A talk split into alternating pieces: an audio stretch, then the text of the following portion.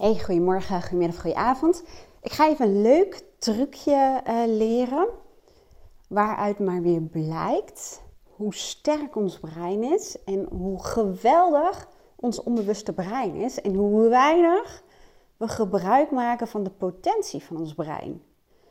Dat is in elk geval um, iets wat zeker is. En nou heeft de een een wat hoger bewustzijn dan de ander. En wat bedoel ik met hoger bewustzijn? Ik bedoel vooral Ehm, er zijn gewoon mensen die best wel veel tijd nemen om bewust na te denken, om zichzelf en andere goede vragen te stellen, om echt na te denken. Maar het grootste gedeelte van de tijd ehm, leven we op onze automatische piloot. En in die automatische piloot zitten allemaal onbewuste programma's, dus waar we ons dus inderdaad helemaal niet van bewust zijn, maar die wel heel erg zorgen voor uitkomsten in ons leven. Het, het, het, het zorgt voor bepaalde gedachten, bepaalde gevoelens en bepaald gedrag. En daar, ehm, nou ja, een bepaald gedrag veroorzaakt weer bepaalde resultaten. En in heel veel van die dingen zijn we ons niet bewust. Ik stel wel eens vragen als iemand ehm, iets schetst als zijnde de waarheid. Hè? Want we vertellen onszelf ook verhalen over onszelf, over onze mogelijkheden, over wat wel en niet kan of wel en niet voor ons weg is gelegd. En als ik dan vragen ga stellen van waar blijkt dat dan uit? Ja, dan worden mensen over het algemeen ook even stil. Of ze kunnen het gewoon simpelweg niet vertellen. En hebben het als waarheid aangenomen, omdat het gewoon een onbewust programma in hun brein is. Maar als ze er bewust naar gaan kijken, blijkt dat iets wat ze altijd voor waar hadden aangezien helemaal niet zo waar is. Maar goed, dat is even een stukje over die onbewuste programma's. Nou, ons onbewuste brein is niet voor niets ons onbewuste brein. Hè? Want het zou bijzonder ingewikkeld en bijzonder energievretend zijn als we continu de hele dag moeten nadenken over um, nou, bepaalde routines. Dus eigenlijk dingen die continu terugkomen, zoals autorijden. het zou toch echt een grote klus worden als we naast het, uh, het autorijden, als we continu moeten denken hoe we moeten schakelen en hoe dingen werken. En ehm, ons brein heeft als primaire taak om ons veilig te houden, om te overleven. En uh, nou ja, een van de taken is om bepaalde dingen gewoon te automatiseren. Nou, en dat geldt dus niet alleen voor het autorijden. Daar wordt dan als het ware een soort van script voor geschreven in je brein. Maar dat geldt voor allerlei zaken. Nou, en dit trucje gaat er heel erg op in om informatie uit je onbewuste brein te halen die op dat moment relevant is voor jou. En ik geef ook vaak het voorbeeld. Um, ik, ik, neem je gewoon even mee naar twee voorbeelden. Eentje die op dit moment, of, uh, net voor de podcast uh, gebeurde. Wordt in ik afgeleid, zie allemaal spinnenwebben aan het plafond. Dus, maar goed. ik ga gewoon even verder. Dat is ook mijn onbewuste brein, zullen we maar zeggen. Nee, nee dat is helemaal niet waar. Maar anyway, um, heel veel mensen zijn dingen kwijt. Zoals bijvoorbeeld hun sleutels. Ik had een keer toen bij het kadaster werkte, hadden wij echt een hele fijne, uh, goede teamcoach. Diana Simmelink. En ik ben haar heel veel verschuldigd. Ze heeft zoveel um, kennis aan mij overgedragen waar ik uh, echt nog bijna dagelijks gebruik van maak. Maar ze kwam dus binnen en um, ze was een beetje gestrest, want ze was haar autosleutels kwijt. En uh, ze zei ook dat ze met haar man had ze het hele huis doorzocht. En um, het was in die zin ook een probleem, omdat ze bij de verzekering of zo had gemeld. Ik weet niet meer hoe het precies was hoor. En nou, dat doet er eigenlijk helemaal niet toe. Maakt niet uit, zoals sleutels kwijt. Dus ik zei, nou, weet je wat je kunt doen? Als je straks thuis komt, voordat je naar binnen gaat, stel jezelf, of zeg je tegen jezelf, ik ga nu mijn sleutels pakken. Ja, ze maar dat werkt toch niet? Zeg, ja, ik weet het ook niet. Tot nu toe heeft het bij iedereen gewerkt. Misschien ben jij de eerste waarbij het niet lukt, maar probeer het maar gewoon. Vanavond kom je thuis, voordat je naar binnen gaat, zeg je tegen jezelf, ik ga nu mijn sleutels pakken. En ze belt me op en ze zegt: Verrek, ik heb ze gevonden, maar je kunt bijna niet geloven waar. In mijn laars! En ik zal je uitleggen waarom het eigenlijk zo ontiegelijk logisch is dat ze daar haar sleutels uitvisten. Want, en ik weet niet hoe dat bij haar is gegaan, maar dus neem ik nu even een ander voorbeeld. Hè. Wat we vaak doen, is dat we bijvoorbeeld al bellend binnenkomen. We zijn aan bellen met iemand en daar is voor een groot deel onze bewuste aandacht op gericht. Niet altijd, maar wel voor een deel. Op het moment dat je binnenkomt lopen, verricht je nog veel meer handelingen dan alleen maar bellen. Bijvoorbeeld de deur openmaken. Dat gaat allemaal op die automatische script, zullen we maar zeggen. Maar het kan natuurlijk zijn dat je sleutels uit je handen glippen en vallen. Nou zijn wij natuurlijk uitgerust met allerlei zintuigen. Dus onbewust heeft ons brein geregistreerd dat die sleutels vielen. Dan is er niet van bewust geweest, maar onze oren hebben het misschien gehoord of onze ogen hebben het misschien toch uit je ooghoeken gezien. Het is in elk geval geregistreerd. Daar zal ik zo meteen nog een voorbeeld over vertellen. Maar wat wij vaak doen, we geven ons brein, hè, daar heb ik het heel veel over in mijn podcast, de verkeerde instructies. Als je tegen je brein zegt, bij wijze van spreken, klinkt een beetje gek tegen je brein zeggen met je eigen brein, maar je snapt wat ik bedoel. Van, ik ga even mijn sleutels zoeken. Zoeken is een activiteit. Dus je brein gaat dat heel serieus nemen, die gaat gewoon zoeken. Maar je wilt helemaal niet zoeken, je wilt vinden. En als je je onbewuste brein wil activeren, dus die informatie die in je onbewuste brein zit, over die sleutels, moet je de juiste opdracht geven. Ik ga nu mijn sleutels pakken. En dan zul je zien dat je heel vaak naar het object toe gaat wat je kwijt bent. Want ook dingen die we ergens hebben neergelegd, onbewust, hè, we waren met iets anders bezig, of in onze gedachten ergens anders mee bezig.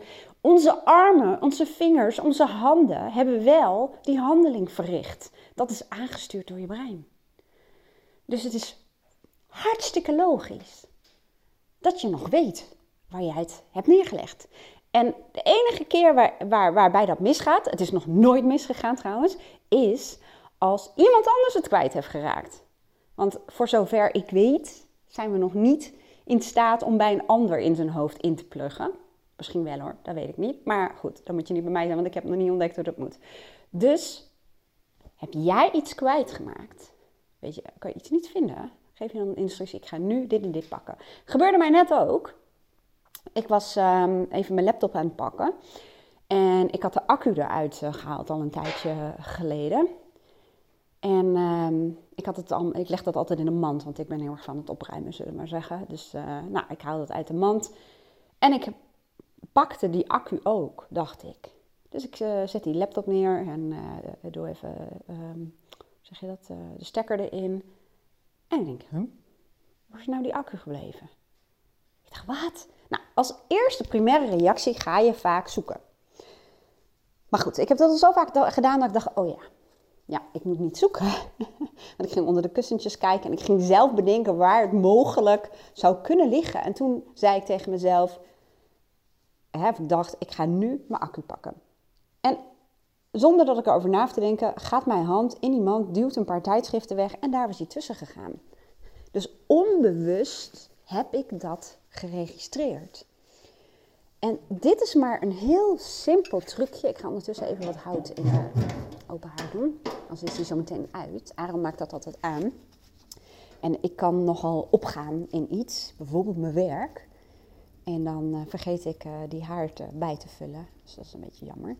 Dus, een paar keer zeggen, oh, is de haard weer uit, is de haard weer uit. Dus ik ga nu even mijn leven beteren en de haard weer bijvullen. Maar anyway, dit is maar een klein trucje. Maar kun je je voorstellen, hè, dit is zo klein, hoeveel we laten liggen als we het hebben over de potentie van ons brein. Hoeveel mogelijk is als we ons brein maar de juiste instructies geven. En ik zal zo meteen wel even een um, rest bovenin, krijg je dan een linkje naar een andere video, waarin ik je nog meer tips geef hoe je je eigen brein kunt gaan gebruiken. Want het is een soort computer. Het kan echt hele intelligente, abstracte vraagstukken voor je oplossen.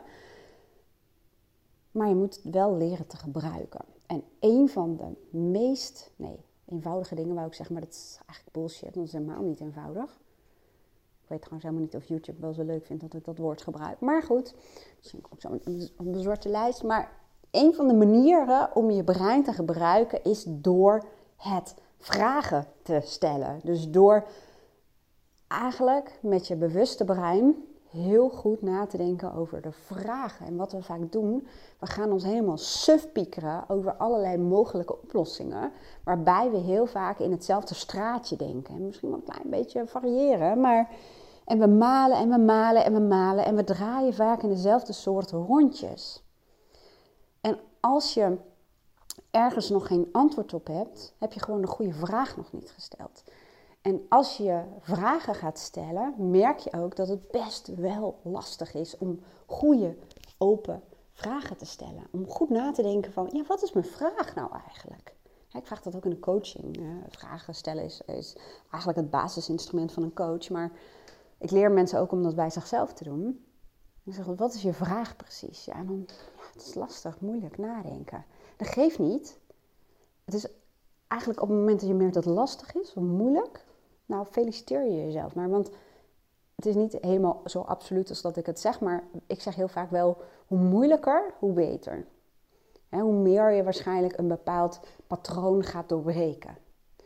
want je moet er echt over nadenken. Maar stel ook goede vragen en gebruik dat trucje wat ik net zei om je onbewuste brein te activeren, om, in, om daar informatie uit te halen die gewoon voor jou beschikbaar is. Ons brein neemt dingen bijzonder letterlijk. En daar ga ik een andere podcast over uh, opnemen, maar ik ga je alvast even een soort van preview geven. Het is namelijk ook zo dat de wijze waarop je tegen jezelf praat, hè, je kunt wel denken, hoezo praat ik tegen mezelf? Nou, we hebben ongeveer 60.000 tot 70.000 onbewuste gedachten per dag. Dus er vinden heel veel dialogen plaats in je hoofd. Hè? En um, ons brein reageert heel erg op de emotionele lading van bepaalde woorden die jij bij jezelf gebruikt. Bijvoorbeeld, ik hoor heel veel mensen zeggen van, dat trek ik niet. Of dat is verschrikkelijk.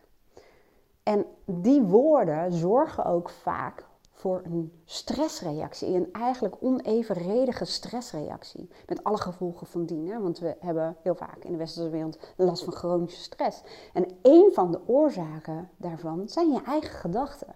De wijze waarop je betekenis geeft aan allerlei ja, triggers en feitelijke situaties. En jouw woordkeuze kan echt een bijzonder groot verschil gaan maken.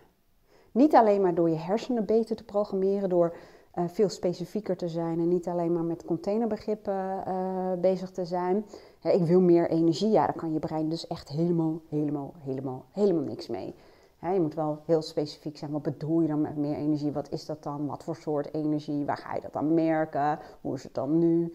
Uh, wat zou een, een verbetering zijn?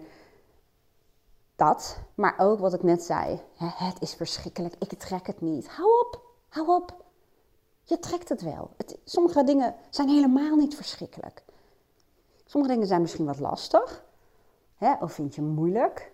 Of je baalt ergens van. Maar ja, let ook vooral op de manier waar, waar, uh, waarop je um, nou ja, in gedachten als het ware tegen jezelf praat. En niet alleen tegen jezelf, maar ook tegen je omgeving. Nou, dat is uh, voor een volgende podcast, want daar kan ik eigenlijk wel tien podcasts uh, over opnemen. Ik heb trouwens wel een leuke uh, tip voor je. Marissa Peer. Dat is een uh, Britse hypnotherapeute. Ik uh, heb wat programma's bij haar gedaan. Zij is echt een van mijn ja, leermeesters, rolmodellen. Ik, ik vind haar, um, de kennis die zij overdraagt, zij, zij vertelt ook heel erg veel over de woorden die je gebruikt in je eigen verhaal, in je eigen gedachten en hoeveel impact dat heeft. Dus als je niet kunt wachten op mijn volgende podcast, dan uh, is Marissa Peer wel een leuke om die eens even op te zoeken. Nou, mocht jij hier wat aan hebben gehad, en als je er nog bent, dan denk ik, nou, waarschijnlijk wel. Dan uh, kun je iets voor me terug doen, want dit deel ik natuurlijk allemaal gratis. En dat is een eh, review achterlaten of mijn podcast beoordelen. Daar help je mij ook weer mee. En als je dit interessant vond en je kijkt dit of je luistert dit via YouTube, dan is het slim om je even te abonneren. Dan weet je dan van zeker dat je niets meer mist. Ik wil je weer bedanken voor het luisteren. Ik wens je een hele mooie dag. En tot de volgende podcast. Doei!